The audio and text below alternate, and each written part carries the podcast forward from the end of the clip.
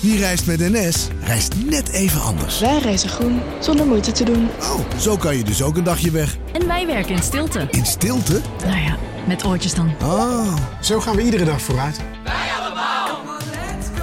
stap je ook in?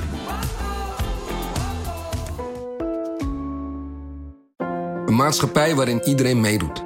Een gezonde, groene en rechtvaardige wereld. Daar willen jij en heel veel andere mensen best iets aan bijdragen. In het klein en in het groot. Dicht bij huis en ver weg. Zo hebben we vorig jaar 349 miljoen euro bij elkaar gebracht. Miljoenen waarmee onze goede doelenpartners de wereld elke dag een beetje beter kunnen maken. Nationale Postcode Loterij. Samen voor een betere wereld.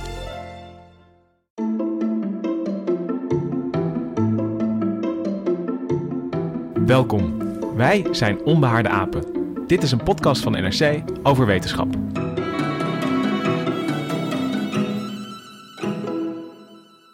Now, how did the molecules of life arise?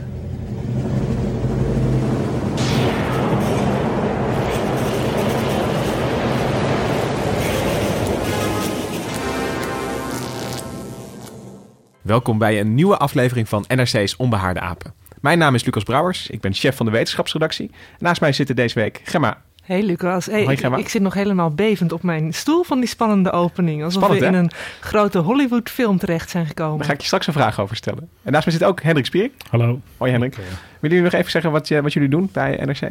Ja, eh, biologieredacteur ben ik. Ik ben eh, redacteur eh, gedrag en cognitie. Oké. Eh, ja, Gemma, dit- dat was even, even schrikken. We- eh, weet je wie het was? Eh, nee, totaal geen idee. Hendrik? Nee, het is, eh, het is heel Amerikaans en eh, er gebeurde van alles, maar eh, Nou, op, op de achtergrond klonk ook Mahler. Die ken je denk ik eh, wel. Ja, de Amerikaanse voice die jullie hoorden was eh, Carl Sagan. Dat was een wetenschapspopularisator van, eh, van 30 jaar geleden. Hij heeft ook veel boeken geschreven. ja, dat is de man ook die die grammofoonplaat met allemaal volksmuziek het heelal in heeft gestuurd met Voyager. Ja, precies. zijn idee. precies. En hij had een prachtige televisieserie. Cosmos heette die. En daar komt dit fragment uit. En in deze aflevering ging Carl Sagan zijn ideeën over de oorsprong van het leven ontvouwen. Daar kwam 30, 40 jaar geleden nog een hoop bliksem bij kijken, zoals jullie hoorden. Maar inmiddels zijn daar eh, andere ideeën over. En eh, daar gaan we het vandaag over hebben, van hoe is het leven nu ontstaan. Maar voordat we dat gaan bespreken, gaan we het eerst nog even hebben over wat jullie is opgevallen deze week. Ja, nou, ik dacht in het kader van het ontstaan van het leven... begin ik meteen weer over het bijna uitsterven van soorten. Ehm, zoals jullie weten is er al heel lang, eh, ruim tien jaar, een amfibieënziekte. Chytridiomycose, ik heb het even geoefend net. Je uitspraak is perfect. twee varianten. Eh, eentje die eh, is in Nederland heel actief onder de vuursalamander. Slecht nieuws voor onze vuursalamanders, want er is, zegt de afgelopen tien jaar, zo ongeveer 99% van die soort is al uitgestorven. Aan deze ziekte. Aan deze ziekte eh, wordt veroorzaakt door een schimmel. Maar er is ook een andere variant die treft vooral eh, kikkers en padden. En in Panama hebben ze nu ontdekt dat de kikkerpopulatie daar verschillende kikkersoorten die schijnen resistenter te worden tegen de soort. Dus, Dus dat is wel bijzonder goed nieuws. ja. Hun huid gaat kapot hè, door die schimmel, toch? Ja, precies. Ja. En uiteindelijk sterven ze een, eh, ja, Een vreselijke een dood. vreselijke dood. Maar ehm, die schimmel die is er nog steeds. Dus dat probleem is niet opgelost. Alleen ze leven steeds meer soort vreedzaam samen met de schimmel lijkt erop. Hè. Ehm, het is eh, nog te vroeg om nu te zeggen, oké, dit gaat ook werken voor de vuur, vuursalamander. Maar ehm, nou Blijkbaar ja. is die afweer van kikkers en padden in ieder geval zo. eh, eh, nou ja, die ontwikkelt zich zo dat ze de- deze ziekte nu zelf kunnen. Ja, weerstaan. en het interessante is ook wel dat de onderzoekers zeggen van dat infectieziektes eigenlijk zelden tot het uitsterven van een soort leiden. Oh ja. Dus ehm, ja, hoe naar het ook is en hoeveel slachtoffers er ook vallen, uiteindelijk komen de meeste soorten er weer bovenop. Nou, het is evolutie in de praktijk. De, de padden die een beetje bestand zijn, die leggen misschien net wat meer eieren. En, zo, die eh, worden dan langzaam eh, telkens weer de meest, sterke pad eh, die eh, kan zich voortplanten. ja, dus eh superkikkers in Panama. Last pad standing. Hendrik, Ja, mijn eh, favoriete nieuws van deze week is een, eh, zijn 29 voetstappen eh, van 13.000 jaar oud. Die ze op een strand hebben gevonden van een klein eilandje voor de westkust van eh, Canada. En dat is niet alleen van belang omdat eruit blijkt dat eh, de vroege Indianen via de kust vanuit Azië over de rest van Amerika zijn doorgelopen. Ze zich hebben verspreid. Maar ook omdat het eh, zo onvoorstelbaar mooi romantisch nieuws is. Dat je dus, je vindt niet de botten of werktuigen, dingen die achter zijn gelaten of dood zijn gegaan. Maar je vindt de feitelijke stappen die mensen 13.000 jaar geleden in dat zand hebben gezet. En onder bepaalde omstandigheden blijft dat over. Kan je dat 13.000 jaar later nog uh, terugzien. En dat vind ik echt prachtig. Het is in dit geval in, in bruine klei. En daar is zwart zand overheen gegaan, zodat je heel mooi kan zien waar die voetstappen zijn. En het, Welke uh, schoenmaat hadden ze? Uh, dat is bekend, dat kan je uitrekenen, wat, hoe lang centimeters zijn. Dat is maat 39 en 40. En er was ook een kind bij met schoenmaatje 16. Maar er zijn veel meer voetstappen dan die 29 gevonden. Maar die zijn allemaal een beetje vertrapt door elkaar. Dus ze denken dat er een boot is geweest die daar is geland. En mensen zijn uitgestapt om daar uh, ja, iets te gaan doen aan land. Dat weten we natuurlijk niet. Want, want dat, is dus het, uh, dat past dus in het idee dat die uh, voorouders van die Indianen eigenlijk per boot van Azië naar Amerika kwamen. Ja, nou, ze zijn via de Beringstraat, dus ongeveer 15.000 jaar geleden. Dus dat stukje tussen Alaska en Azië dat lag toen droog. Net als de Noordzee hier droog lag. Want de, de zee lag 120 meter lager dan nu. Dus de kust lag dus ook veel verder uit de huidige kust. Dus kon je dus overheen lopen. En ook met boten. Dat zal, zullen alles gedaan hebben. En dit is een heel mooi punt, omdat hier lag de zee niet zo heel erg laag dan de huidige zeeniveau. Omdat toen de tijd het land ook naar beneden was gedrukt door die enorme dikke ijsplaat die er op Canada lag. Dus het is nu een eiland en het was toen een eiland? Ja, en het is samen met de zee weer omhoog gekomen omdat het ijs uh, gesmolten was. Ja, van voetstappen op een Canadees strand is het een uh, grote sprong naar de oorsprong van het leven. Maar wel eentje die we gaan zetten. Het is een uh, hele opgave om dat binnen een half uurtje hier op tafel te krijgen. Maar we gaan het toch proberen.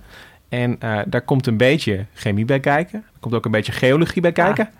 Ja. Jij hebt geologie gestudeerd, Gemma, dus dat vind jij misschien prettig. En het is dus vooral een aansporing. Blijf luisteren. Er komt een beetje scheikunde bij kijken. Maar uh, als het eventjes ingewikkeld wordt, hou vol. En dan komen we vast wel weer op uh, bekender terrein uiteindelijk. Um, ik, ik, wilde eerst eigenlijk aan jullie vragen. Jullie hebben vast wel eens nagedacht over de vraag hoe het leven is ontstaan. Wat, wat is jullie geleerd of wat is jullie bijgebleven daarover? Nou, het, het, mooiste verhaal is natuurlijk altijd wat in de Bijbel staat. Dat, dat is algemeen bekend. Hè? Dat het gewoon in één keer alles tegelijk geschapen werd. Ja. En dat dan uh, de mensen alle dieren een naam geeft en dan is het klaar. En dan is het zondag en uh, iedereen kan weer een dag uh, uitrusten. Ja, in een tijdspanne van een week. Ja. In een week. Ja, dat is wel een makkelijke versie van onze podcast. maar dat is natuurlijk een niet te wetenschappelijke verhaal. Nee, en, wat heb jij geleerd op de middelbare school bijvoorbeeld hierover? Nou, ik, zit, ik zit nu de hele tijd naar mijn gemberthee die ik hier voor me heb uh, te kijken. En ik denk alleen maar oersoep, oersoep, oersoep. Ja, uh, ja ik weet nog van een experiment. Um, hoe heette die? Millie? Uh, Miller. Miller. Miller. ja, dat, dat, dat daar dan de bouwstenen van het leven uit ontstonden. Ja, ja dat is een heel belangrijk experiment. het is altijd fijn binnen de biologie om even terug te kijken naar Darwin. Want vond hij er eigenlijk van? En als je dan kijkt in de Origin of Species, dan staat daar helemaal niks over in. Hij heeft het alleen één keertje genoemd in een brief aan zijn goede vriend uh, Joseph Hooker. Dat was een uh, botanicus. En daarin beschreef Darwin een warm, klein vijvertje. Stelde hij zich zo voor, inderdaad met bouwsteentjes. En met een beetje elektriciteit of een, een andere hè, vonk zou dat misschien wel eens tot, uh, tot leven kunnen komen. En het waren inderdaad Miller en Uri die in de jaren 50. Oh, vandaar Millie. Ja, nou, ja Miller en Uri dus. Die in de jaren 50 dit idee eigenlijk een beetje hebben getest. Dus ze, ze kwamen. Maar het is met... eigenlijk een soort Frankenstein bijna. Want dat was toen al. Uh, dat is natuurlijk begin 19e ja. eeuw. Dus uh, het dat is hele het idee. Komt ook uit die tijd. Ja. Dat er door blikseminslag leven ontstaat. Dat was natuurlijk bij Frankenstein. Uh, de dode lichamen die aan elkaar genaaid werden. Ja. Er werd de bliksem doorheen gejaagd. En toen was de levenskracht weer terug. Ja. Maar wat deden ze ook alweer in dat experiment? Was het inderdaad een soort, soort ketel met oersoep die ze Bijna aan het wel. brouwen waren? Het was, het was een afgesloten uh, glaswerk was het allemaal. En uh, daarin kwamen via een kraantje kwam daar uh, methaan en ammoniak. Kwam erbij en er werd wat waterdamp. Zulke simpele stoffen eigenlijk. Hele simpele stoffen. Echt, echt heel simpel. En daar kwamen vonken bij. En ze gingen toen kijken van wat, wat ontstaat er dan allemaal. En toen vonden ze inderdaad aminozuren. En dat zijn de bouwstenen van eiwitten. Nou ja, hoera, weet je wel, aminozuren gevonden. Ik bedoel, ze, ze wisten pas net dat aminozuren bestonden en dat het die eiwitten vormden. En, en nu lagen ze daar in, in dat hele simpele eh, prutje. Dus ja, eigenlijk Ja, dus de simpelheid is eigenlijk de impact van dat experiment. Want Ja. dat is inderdaad, ik heb dat ook op school gehad. Dat is inderdaad een heel beroemd experiment. Ja. Maar je hebt in die tijd ook eh, van eh, in de filosofie, maar dat zie je in de biologie ook wel, van volgens mij een Franse filosoof, Bergson. En die heeft het over het levenskracht. eh, de, Het vitalisme. het vitalisme. Het heeft niks met religie te maken, maar het zit natuurlijk wel een beetje in die hoek dat er een soort ongeziene kracht is die het leven eh, tot leven maakt eigenlijk. Die dus het leven onderhoudt. En als je dus bijna als- zoals de ziel het lichaam eh, bestuurt, heb je dat, die, die levenskracht, dat die vitale kracht. Die dan, eh, maar als het allemaal met een bliksem is te doen. Dat klinkt veel eenvoudiger. Maar ik zit nog wel met die aminozuren. Oké, die heb je. Maar dan denk ik meteen weer aan, aan, aan Lego-steentjes. Maar die, eh, die vormen ook niet vanzelf een kasteel. Weet je, je moet er wel Ja. nog iets mee doen voordat je een mooi bouwwerk hebt. Hoe kom je van aminozuren naar spannender leven? Nou, dit is volgens mij, heb je nu hier heel mooi samengevat, wat het grote probleem is van eh, als je hier begint hè, met stoffen eh, en, en een vonk. Want hoe krijg je, kijk, met die bouwsteentjes is het wel zo dat als je er op een gegeven moment maar genoeg bij elkaar stopt, eh, dat geldt met name voor nucleotiden en dat zijn dan de bouwstenen van DNA bijvoorbeeld. Als je die maar genoeg bij elkaar stopt, dan, dan willen ze best wel met elkaar. Dan Maar als ik- klikken ze vanzelf in Een elkaar. soort magnetische Lego moet ik haast denken. zeg maar, eh, als je schiftende melk eh, in de zon zet, dan gebeurt er ook van alles of zo. Maar dan komt het toch echt niet tot leven. Nee, precies. Ja, Nou ja, dat dachten ze vroeger wel, toch? Dat, eh, dat daar dan dieren uit ontstonden. Ja. De generatie Ja, dat is, nog, dat is de is, ja. oude wetenschap. Ja, dat is wel een leuk verhaal. Dat ze dachten dat het eh, spontaan kon ontstaan. En toen heeft in het begin van de wetenschappelijke revolutie in de 17e eeuw... heeft iemand een keer een stuk vlees eh, geheel vacuüm eh, laten liggen. En toen ontstonden er ineens geen maden meer in. Dat was een enorme klap voor het eh generatio spontaan. weer, weer een hypothese ontkracht. En toen kwam de theorie dat ieder leven komt uit een ei. En toen is ook de grote vraag gekomen wat er eerst ei, was. Ja. Kip of het ei. Ook komt die de vraag daar vandaan. Daar zijn we nou, Nou nog ja, niet over uit. eh, wat is het begin? Maar eh, ga verder. Ja, Lucas. ja. Eh, een van de problemen is dat het moeilijk is om je voor te stellen... hoe komen die bouwsteentjes dan zo geconcentreerd? Want als je het inderdaad, dat, dat warme vijvertje van Darwin hebt... waar het dan een beetje bliksemt... ja, hoe krijg je daar al genoeg bouwstenen bij elkaar? Chemie is ontzettend afhankelijk van, van hele geconcentreerde stoffen. Dus je moet, hoe krijg je dat allemaal bij elkaar in zo'n concentratie... dat dat eh, iets meer gaat doen dan, dan alleen maar daar een beetje rondzweven in, in Ja, je oplossing? zit, je zit ook nog steeds, je hebt natuurlijk de overgang van, van scheikunde naar leven. Ja. Dat is zeg maar, dat, dat is natuurlijk de grote vraag. Je hebt dode natuur en je hebt dan de levende natuur. En als je dus zo'n zo'n bak met eh, aminozuren, dat is nog steeds dode natuur. Er zit geen, ik, wil geen levenskracht-theoreticus worden, maar er zit nog steeds geen leven in. Nee, sterker nog, we, die aminozuren zijn ook teruggevonden in het heelal. Ja. Gewoon eh, in, in de vrije ruimte of op meteorieten. Ja, er die, kan geen komeet langskomen of er zitten aminozuren in. Ja, precies. Dus eigenlijk eh, is het een beetje ja, teleurstellend wat, wat dat uiteindelijk heeft opgeleverd. Van, eigenlijk weten we dat die aminozuren best wel makkelijk ontstaan. Maar die volgende stap, er zijn wel mensen mee bezig geweest. En dat is, dat is verder uitgewerkt. Maar de- de- het probleem blijft, de ingrediënten zijn een beetje onnatuurlijk. Ammonia en methaan weten we nu, dat was niet... Ik bedoel, dat, dat zijn allemaal hele sterk geurende gassen. Eh, nu ook, dat, je weet het wel als je de ammonia eh openschroeft. ja, waarom kwamen ze tot die gassen? Want Ja, het zijn hele fijne moleculen. Ze reageren ontzettend lekker. Veel beter dan koolstofdioxide en stikstof. Dat is allemaal wat inerter. Dat reageert wat lastiger. Dus als je, ja, ja, goed. Het zijn nog steeds simpele stoffen. Dus als we daar dan mee beginnen, dan, eh, dan, dan gebeurt ja, er en dan misschien wat nog wel bliksem wat. erbij, omdat ze er Ja, ik vanuit vind het wel bijzonder, want we reduceren nu dit experiment van ja, eh, logisch. Ja, En toen sloeg het als een bom in. zeker. Maar het, het- dat was het ook. Het stond in Time Magazine. Die, die deed verslag over dit experiment. Het opende de ogen van veel Ja. mensen. Want ineens was er een ingangetje. het leven werd ineens bekeken vanuit de chemie. Ja, ja en, en dat heeft ons eh, veel gebracht. Alleen het, het spoor is een beetje eh, doodgelopen, dit spoor. En ik wil jullie graag deze aflevering een ander spoor laten zien. En daarvoor moeten we twee stapjes zetten. En eentje gaan we heel diep de zee in. En een eentje gaan we heel diep de cel inkijken. En als we allebei die sporen volgen, dan komen we ergens in het midden uit. En dan komen als het goed is. Met een ik- enorme knal. ja, nou ja, dat, dat wordt vaak. eh, de, de Big Bang wordt er vaak bijgehaald bij het ontstaan van het leven. Dat is heel verwarrend. Ik, ik hoorde een. De eh, Big Bang. ja, ik hoorde iemand die. eh, ik, ik heb voor, voor deze aflevering ik een paar praatjes teruggekeken. En dan zag ik iemand, een bioloog, vertellen die onderzoek doet naar de, de oorsprong van het leven. En hij zei steeds: als ik dat vertel op een feestje, En ik zie die mensen twee maanden later terug. Dan zeiden ze, jij deed toch onderzoek naar de, de Big Bang? Mensen dat kan ook dat een wel beetje door elkaar. Want Ja. het is natuurlijk in het, in het eh, monotheïstische verhaal is het allemaal in één keer gebeurd. Ja, want eventjes voor de tijdschaal, hè, als is geoloog, geologische tijdschaal. Ja. Eh, de aarde, nou, pakweg 4,6 miljard jaar oud. Heel goed. Wanneer, ik weet toch nog iets van mijn studie. Ehm, wanneer, zou dan, eh, wanneer zouden die aminozuren dan zijn ontstaan? Wanneer Misschien is moeten we nog even één stapje verder terugzetten. En dat, dat Hendrik, 13,6 miljard jaar staat voor, de, voor het heelal? Ja, zoiets of iets Ja. meer geloof ik, maar eh, die orde van grootte. Ja. Dus dat is eh, zeg maar eh, ruwweg eh, vier keer zo eh, of drie keer zo lang. Ja, dus 13,6 miljard jaar eh, heelal, dan 4,6 miljard jaar eh, aarde. En de oudste sporen van leven, die zijn, eh, er is altijd wat, wat geduw over. En het wordt steeds ietsje verder geduwd. Maar we zitten inmiddels wel bijna op 4,2 miljard jaar. En dat is echt een hele een, een jonge aarde, denk ik. eh, En, en wat, wat, wat zijn die oudste sporen dan? Wat, eh, Ja, en dan, dan gaan we toch de, de zee ingaan. Ja, hè, want die, die worden gevonden bij eh, eh, wat dan hydrothermale bronnen heten. En dat zijn warmwaterbronnen. en die warmwaterbronnen die werden voor het eerst eigenlijk gezien in de jaren 70 bij de Galapagos-eilanden. werden er black smokers ontdekt, zo heette die. Ah, ja. Een beetje een helse omgeving. Je moet je voorstellen, zwarte wolken die daar een beetje omhoog reizen. Veel zwavel. En op welke diepte is dat dan? Welke diepte dat? een dat- kilometer of zo. Ja, zoiets, dat weet ik niet precies. Oceaanbodem. Ja, dat is echt heel diep. Ja, en ook ontzettend hoge temperaturen, 450 eh, graden Celsius. Onder Eh, enorme druk natuurlijk, waardoor ja. het vloeibaar blijft. Ja. Ja. Dus die ontdekking, dat was al spannend. En Er werd al gelijk een beetje gedacht van... kunnen we hier misschien iets mee met het ontstaan van het leven? Maar deze black smokers hebben een groot nadeel... is dat het er wel erg warm is. 450 graden Celsius. Dat is ja, ver boven het aardse leven dat we nu kennen. En, en ook de chemie is niet helemaal lekker.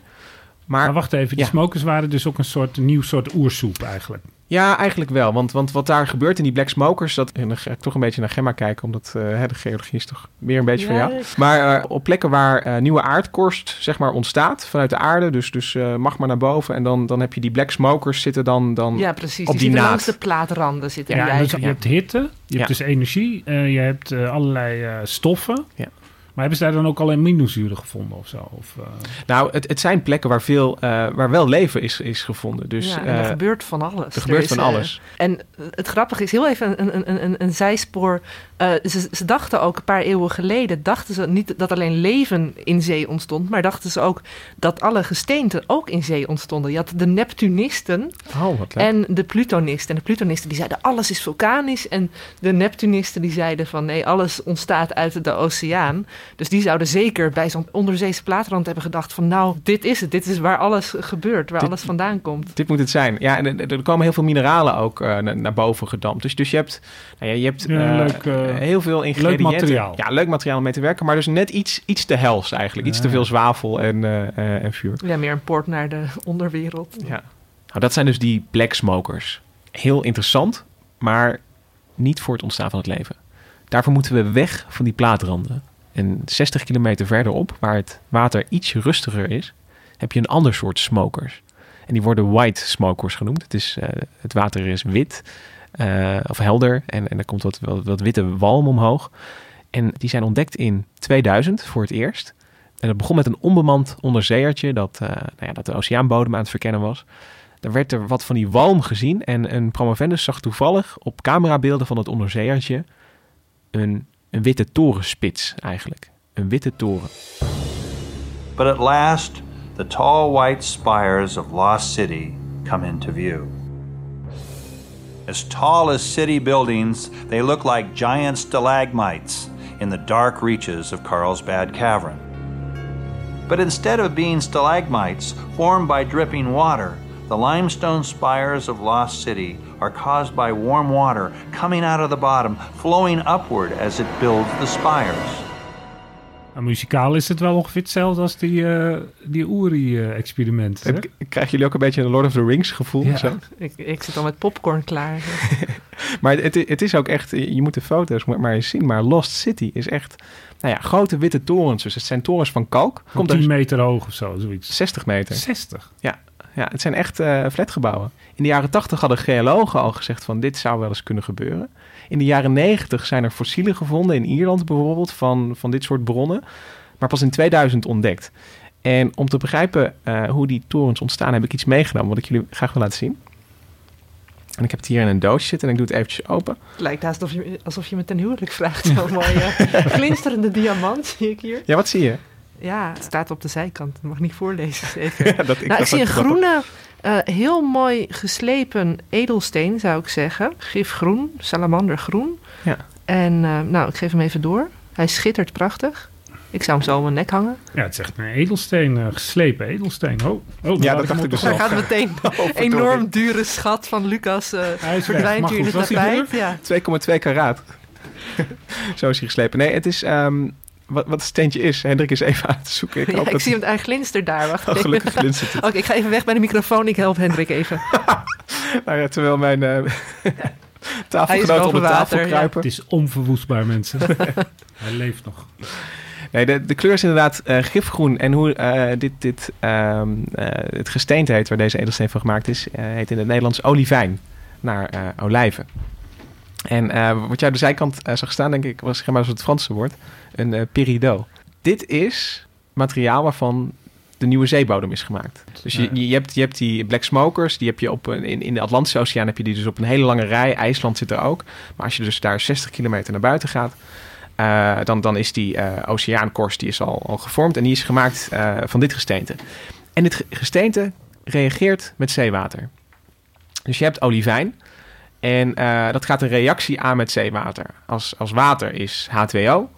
En eigenlijk wat er gebeurt is dat er dit gesteente neemt een OH daarin op. En dus, dus het, eh, Dus dan hou je een H over. ja, dan hou je een H over. En in die reactie dat mengt en dat, dat, dat scheurt een beetje. Dus dat, dat zeewater dat percoleert ook een beetje die bodem, die korst in.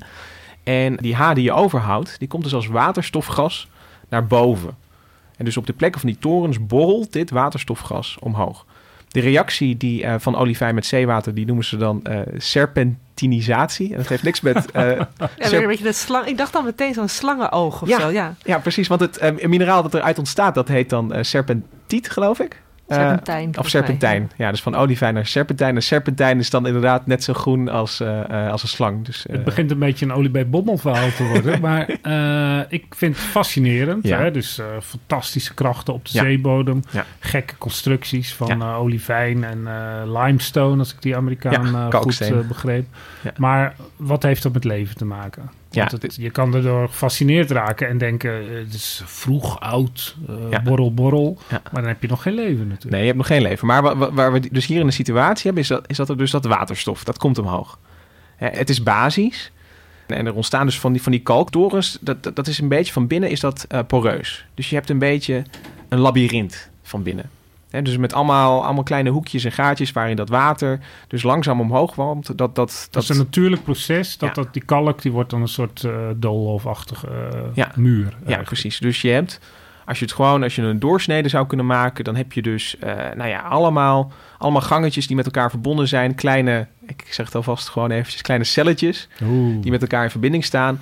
En eh, waarin je dus voor kan stellen dat daar eh, moleculen in kunnen ophopen. Weet je wel, op die weg naar boven van dat, van dat warme eh, Ik denk meteen aan een soort eh, termietennest of zo. Dat, nou ja, daar is het misschien wel goed ja, mee te maar zonder vergelijken. termieten. ja. Ja, dus, dus nu hebben jullie, eh, nou ja, nu hebben jullie kennis gemaakt met deze plek. En nu gaan we de Dus we volgende... hebben, we hebben, Ja. we hebben eh, waterstof Ja. en eh, kleine celletjes. Ja, kleine celletjes in een, in een soort uh, Kalk. Ja, een kalk. eh, kalksteen. Ja, Oké, dat onthouden we.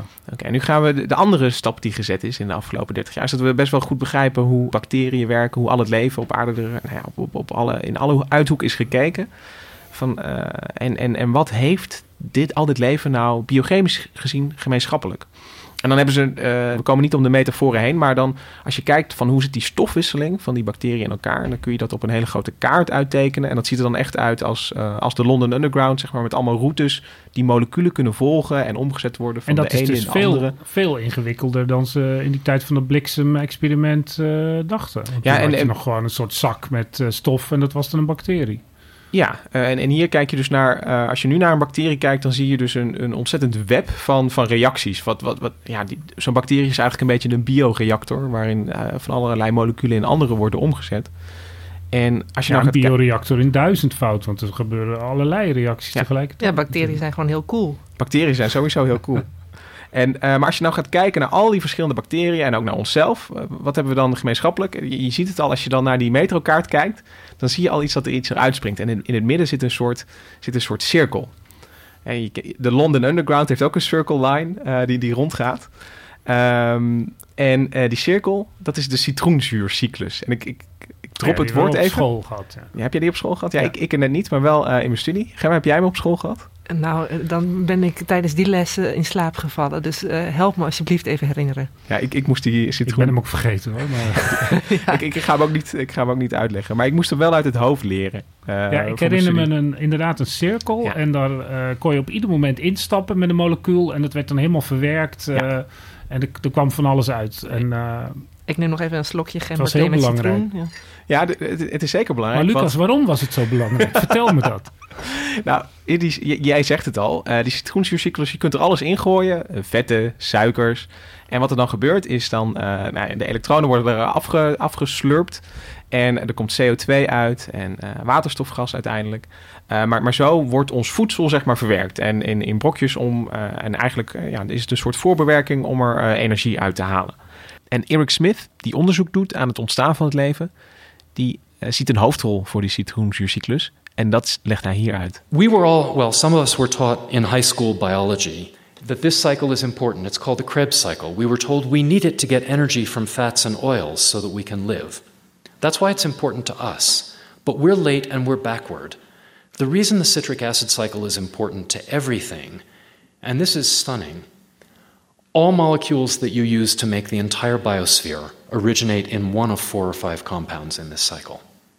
All the diversity that you see around you comes later, but the building is all done from these. Ja, en het hele mooie wat Eric Smith hier zegt is dat we are backwards.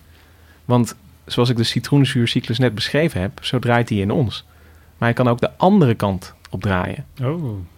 Ja, en dan zit je... ik snap het nog niet, ja, ja. niet helemaal, maar goed, ja, er is... Ja, dus als je, als je uh, de citroenzuurcyclus in ons, die is dus een soort verwerkingsmachine. En dan wordt alles wordt opgebroken in componenten. Oh ja, dus het wordt steeds kleiner. Maar ja. het kan ook, als je hem eventjes uh, vooruit spoelt, dan, ja. uh, dan wordt alles opgebouwd. Een andere soort energie invoeren of zo. Of, ja, dus in ons wordt voedsel wordt afgebroken, eiwitten worden afgebroken in aminozuren, DNA wordt afgebroken weer in nucleotiden in ons eten. Weet je? Dus, dus dat kun je allemaal met die citroenzuurcyclus doen. Maar als je hem dus omdraait, dan kun je er dus nucleotiden mee maken. Je kunt er aminozuren mee maken. Je kunt er suikers mee maken. En dat gebeurt ook. En dat gebeurt bij sommige bacteriën zeker die uh, rond warmwaterbronnen oh. in de zee leven.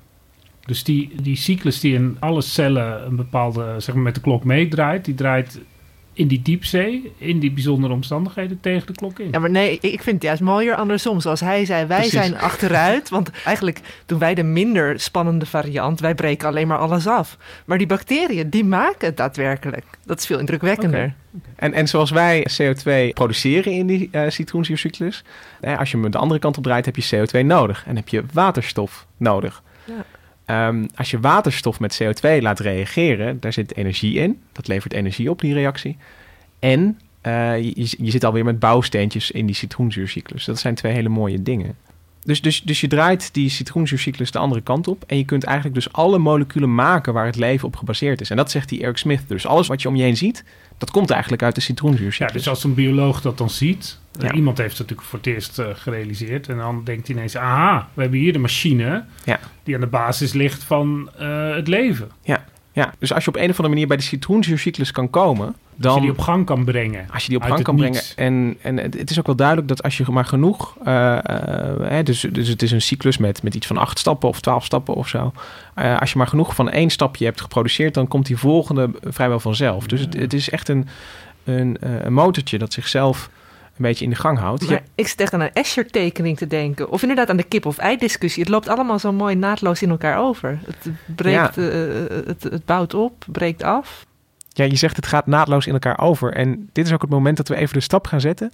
om alles uh, wat we nu over de cel- en de citroenzuurcyclus hebben gehad... om dat te gaan verbinden met wat er in die uh, witte torens diep in de zee gebeurt. Dat waterstofgas komt er omhoog borrelen. CO2 heb je daar in het water zitten...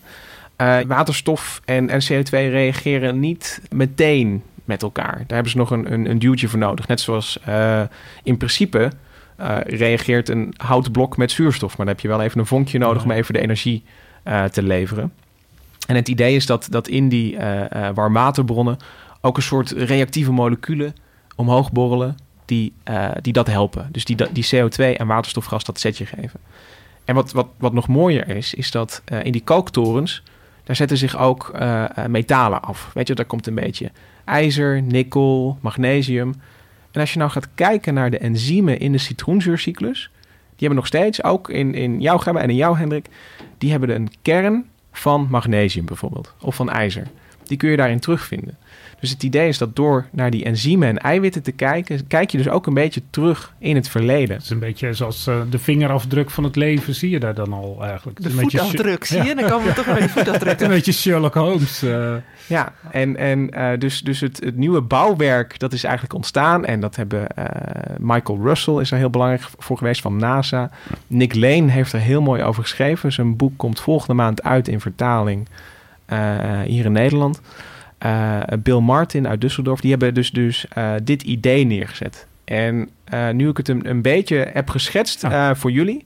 hè, dus dus waar we uiteindelijk zitten is dus in een situatie waarin je dus allemaal van die celletjes hebt, waarin organische moleculen kunnen ophopen en waar die citroenzuurcyclus kan gaan draaien. En als je dat motortje eenmaal hebt, Ja, dan heb je nog geen leven, maar dan heb je dus wel een soort begin. Ja. Want dan moet er nog een membraan omheen. Ja, en precies. Dan krijg moet je nog- dat gedoe met Ja. eh, DNA-moleculen of RNA, dat het zich moet kunnen Ja. reproduceren. Want dat is altijd de definitie van leven. Als je dus een eeuwig draaiende eh, citroenzuurcyclus hebt, dan heb je nog steeds geen leven. Nee, natuurlijk. Maar nee. goed, het begin is er. Het begin is er. Daar en, gaat het heel erg en, en, en je zit dus met een uitgangssituatie waarbij die genen eh, controle kunnen nemen over die citroenzuurcyclus uiteindelijk. Hè, dus, dus daar moet je uiteindelijk naartoe. Dus er, zijn, er komen nog heel veel stappen na. worden Ja, en, en het leven moet uiteindelijk ontsnappen uit, uit die torens. En dat weten we dus nog allemaal niet. Nee. Daar zijn ook Dat ideeën is over. in, in, in de, de vervolgfilm. Als je Ja. over Lord of the Rings bestond ook uit drie delen. Ja, precies, Dus eh, we precies. hebben nog een eh, spannend eh, vervolg te we, hebben, gaan. we hebben nog een lange weg te gaan. Er zitten nog heel veel fascinerende kanten aan. Maar dit is, dit is de kern. Maar dit is dus ook, want je noemde nu dat er ook iemand van NASA bij betrokken was. Want eh, het zijn allemaal stoffen die je overal in het heelal hebt natuurlijk. Nou ja, dat, Maar dat je vind- moet wel een beetje heet, hete zeebodem hebben eigenlijk. Ja, dus... dus eh, Voor zover we dat begrijpen. En, en dit vind ik het hele mooie van deze theorie, is als je water hebt en een, eh, een, een geologisch actieve planeet, dus waar, waar de nieuwe oceaankorst gevormd wordt, waar magma is, waar, waar de, ja, een planeet die leeft, dan zou het wel eens zo kunnen zijn dat het leven dan zelf er best wel snel achterna komt. En dat weten we ook op aarde. Ik bedoel, de, de condities waren 4,2 miljard jaar geleden. De, de oceanen waren er. We, we- zien die, die, die oceaanbodem, die is, is rustig. Is tenminste zo, zo rustig als het eh, eh, kan zijn. Die toren valt niet gelijk om. Nee, die, die, die kan, zulke torens kunnen tienduizenden jaren lang bestaan. En het is ook wel logisch, want daarna kom je dan hè, met eh, verdere levensvormen. Dan kom je bij die algematten, fossiele algematten, eh, stromatolieten terecht. Dus dan is het opeens wel een kleine stap van heel primitief leven in die torens naar wat verdere levensvormen. Ja. Ik bedoel, hè, voordat wij er waren duurde het nog gigantisch lang natuurlijk. Maar wat, wat ik me ook nog afvraag over dat heelal gesproken. Want eh, we zijn nu natuurlijk altijd heel erg met onze blik op de ruimte. Weten we eigenlijk best wel veel van. Ja. Maar we weten nog zo weinig van die. Wa- waarom worden er wel ruimtereizen georganiseerd? Maar ik zou het veel gaver vinden om met zo'n onderzeeër naar die witte torens toe te gaan. Ja, ik vind het bizar dat dat pas... eh, we waren eerder op de maan dan dat we deze Ja, torens maar het hadden is veel makkelijker natuurlijk, want in de ruimte heb je maar een, een drukverschil van één atmosfeer. Die astronauten die eh, vertellen ook altijd dat dat muurtje, dat dat dat metalen dingetje waar ze dan tegenaan leunden, dat was vrij dun. Dat verboog dan ook vaak een beetje. Want ja, één atmosfeer verschil is niet zoveel. Terwijl als je de diepzee ingaat, dan heb je, wat is het, eh, duizenden atmosferen verschil. Dan heb je, Ja, je hebt een gewoon van goede die kogelvormige onderzeeërs. En het idee dat je naar buiten kan, is natuurlijk, eh, moet ik maar beter uit je Ja, hoofd laten. dus geen onderwater voetafdrukken. Nee. Nou ja, eigenlijk is het dus wel een voetafdruk van... Hè, die we daar hebben gevonden in, in de Lost City. En, en eh, ik, ik bedoel, die Lost City, dat is niet de plek waar het leven is ontstaan. Hè. Ik bedoel, Lost City is misschien 20.000 jaar oud. Want, Nee, maar vergelijkbare dingen vroeger. Precies. Want nog even, als ik hem op, de, op, de, op Google Maps zou opzoeken, waar is dat ook inderdaad in de buurt van de Galapagos-eilanden? Nee, dan? dat is, eh, eh, dit is dus als je dan eh, de Mid-Atlantic Ridge hebt. Dat Ja, is die bergketen waar IJsland deel Ja, van de- uitmaakt. En die doorgaat onder, eh, onder water. Dan eh, eh, 60 kilometer ten westen daarvan, geloof ik. Ergens Oh ja, halverwege. richting de- Canada dan. Ja, Of- ja. ergens je halverwege. ziet, eh, dat zijn, het is een, eh, een fascinerende bergketen die dus echt van eh, zo'n beetje van de Noord naar de Zuidpool loopt. Of Ja, de. Mid-Oceanische rug. In, ja. in bepaalde eh, spionagefilms komt die ook altijd voor. Want dan kan je namelijk ontzettend mooie achtervolgingen met eh atoomonderzeeërs eh anseneren. En eh, in natuurfilms komen ze ook voor. Het is echt een onvoorstelbaar landschap. Echt bergen van duizenden meters eh, die gewoon onder water staan. Ja, maar dat bedoel ik. Ik zie echt een toekomst voor me dat mensen in goede duikpakken over die eh, daar gaan bergwandelen. Dat is een stuk makkelijker natuurlijk. maar jij, jij zei het net terloops, maar dat Ja. is toch wel een hele fundamentele feit dat er dus de aarde eh, sissend en borrelend enigszins afkoelde. Ja. En plop, gelijk ontstaat er leven. En dat weten we zeker. Ja, dat, dat weten we inmiddels vrij zeker. En, en eh, dat, Maar dat betekent dus dat, dat- eh, dat er maar niks hoeft te gebeuren of er ontstaat leven. ja, daar lijkt het wel op. En dat is toch... Ja, ik vind het een hele eh, fascinerende gedachte. Dat als je dus een, een zusteraarde ergens zou vinden... Waar, nou ja, die net zo actief is en waar ook oceanen op zitten... Ja, grote kans dat er... Dat daar een algemat ja, te vinden is. Het is natuurlijk wel een heel mooi contrast met als je kijkt van... eh, je hebt zeg maar het leven zelf. En je hebt dan, dat vinden wij dan als mensen heel erg belangrijk... intelligent leven. Ja. Dat zijn wij, voor zover bekend, eh, alleen wij. eh mens. En als je dan kijkt dat dat, dat dus eh, v- eh, 4 miljard jaar langer heeft geduurd dan dat leven. Dat is, dus gewoon leven is bij wijze van spreken logisch. bijna Maar wel. intelligent leven, ik heb maar, dat, dat is kennelijk, dan moet er zeg maar eh, wel heel wat meer water eh, door de Rijn eh, stromen voordat dat zover is. Want bijvoorbeeld, de, Ja. nea- hoe weet het, de dinosaurussen, die hebben ook een enorme eh, soortenrijkdom gehad. Maar er is nooit een, di- een dino geweest voor wie het evolutionair handig was dat hij eh, kon leren schrijven of zo, of eh, techniek kon ontwikkelen. Ik, ik, ik denk dat er dus was drie... wel handig voor ze geweest, maar Nou, kennelijk niet. Kennelijk hebben ze het niet nodig. En is alleen in onze zijtak van de apen is dat toevallig ontstaan. Ik, ik denk dat je dus kan... Als je naar de geschiedenis van het leven op aarde kijkt... is, is, dan, is er dan drie keer een soort plafond doorbroken.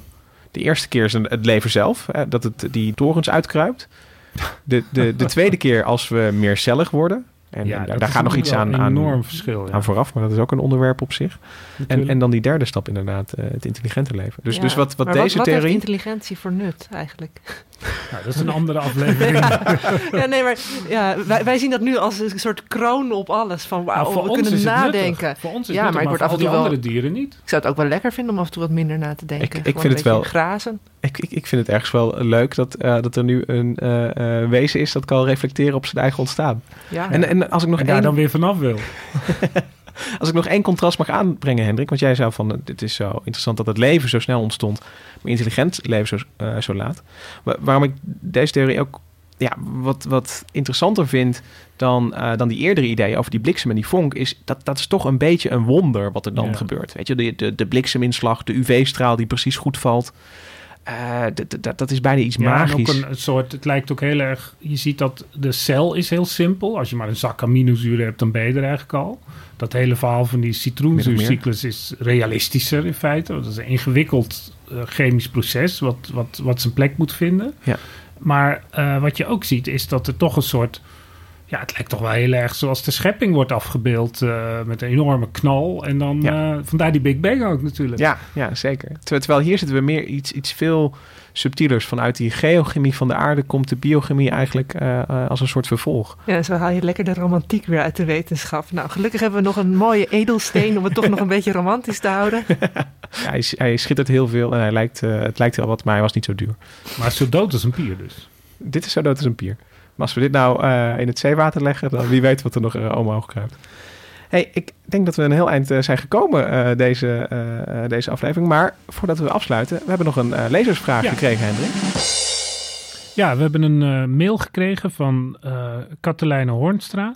En die ging over onze pilot. Ja, onbehaarde apen. Ja, wat, waarom, waarom, waarom, ons, waarom ons haar verloren, inderdaad. En daar hebben we dus een brief gekregen van uh, Katelijne Hornstra. Per e-mail hebben we dat gekregen. Maar die, die zegt van ja, dat is uh, ontzettend interessant. Maar paarden die kunnen wel heel snel uh, lopen. En die houden dat ook rustig een hele dag vol. En haar ervaring blijkt ook dat die paarden dat veel makkelijker volhouden dan de ruiter die erop zit.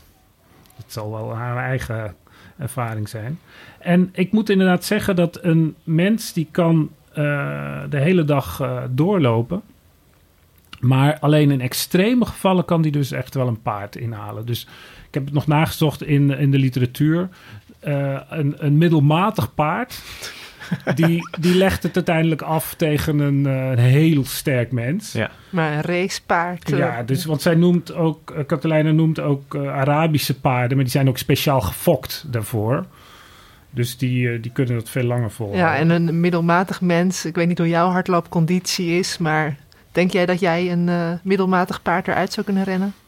Uh, nee, dat denk ik niet. De gemiddelde jogger die loopt ongeveer uh, 7 kilometer per uur. En een paard die, die haalt dan, die komt de 20 wel. Dus dat, dat, maar er zit, er zit een overlap in. De, dus de mens kan best wel hard uh, lopen, maar uh, niet, niet, harder, verder, sneller. Nee, kijk, een paard. Ik had beter een, ik had, als ik nou een zebra had genoemd of een hert, dan was het beter geweest. Want het ja. interessante is dat uh, die techniek om uh, heel hard te blijven lopen achter een dier aan, die werkt vooral omdat de mens, en dan komen we weer op jouw punt dat we ons haar hebben verloren om zo goed te kunnen zweten. Dat uh, lukt omdat wij wel ons goed kunnen afkoelen. Maar dat dier niet. En er zijn ook beschrijvingen, want de, de, de, de Kung San in uh, de Kalahari-woestijn... die passen dat nog wel eens een keer toe. Als er een onderzoeker bij is. Vroeger deden ze dat veel vaker natuurlijk. En dan kunnen ze achter een hert aanrennen. En dat moet iedere keer even stilstaan om te hijgen. Omdat het anders oververhit. Het wordt oververhit. En ja. op een gegeven moment hoeft die, uh, die, uh, die jager die hoeft er maar tegenaan te blazen en die valt om. Want die, hij kan gewoon niet meer. Doodgelopen. Ja, ook door de hitte. Ja. Ja. Nou ja, mooi dat we dat nog even recht hebben kunnen zetten. Um, dit was de aflevering. Dit was uh, de derde aflevering van Onbehaarde Apen. Uh, bedankt voor het luisteren. Volgende week zijn we er weer. Zelfde tijd, zelfde plek. Vergeet je niet helemaal gratis te abonneren via iTunes, Stitcher uh, of via onze eigen website. Kun je onze podcast ook vinden. En op de Google Play Store. Vertel ook aan al je vrienden, familie, collega's uh, nou ja, dat er een leuke nieuwe podcast over wetenschap is. En heb je nu uh, zelf een vraag naar aanleiding van deze uitzending of, of iets anders, dan kun je mailen naar het e-mailadres durftevragen.nrc.nl. En dat is een e-mailadres dat wij ook gebruiken voor de rubriek op onze achterpagina van de wetenschapsbijlage. Nou, tot volgende week. De financiële markten zijn veranderd, maar de toekomst, die staat vast. We zijn in transitie naar een klimaatneutrale economie. Dit biedt een van de grootste investeringskansen van onze generatie. Een kans voor u om mee te groeien met de pioniers van morgen. Meer weten? Ga naar carbonequity.com. Carbon Equity. Do good by investing better.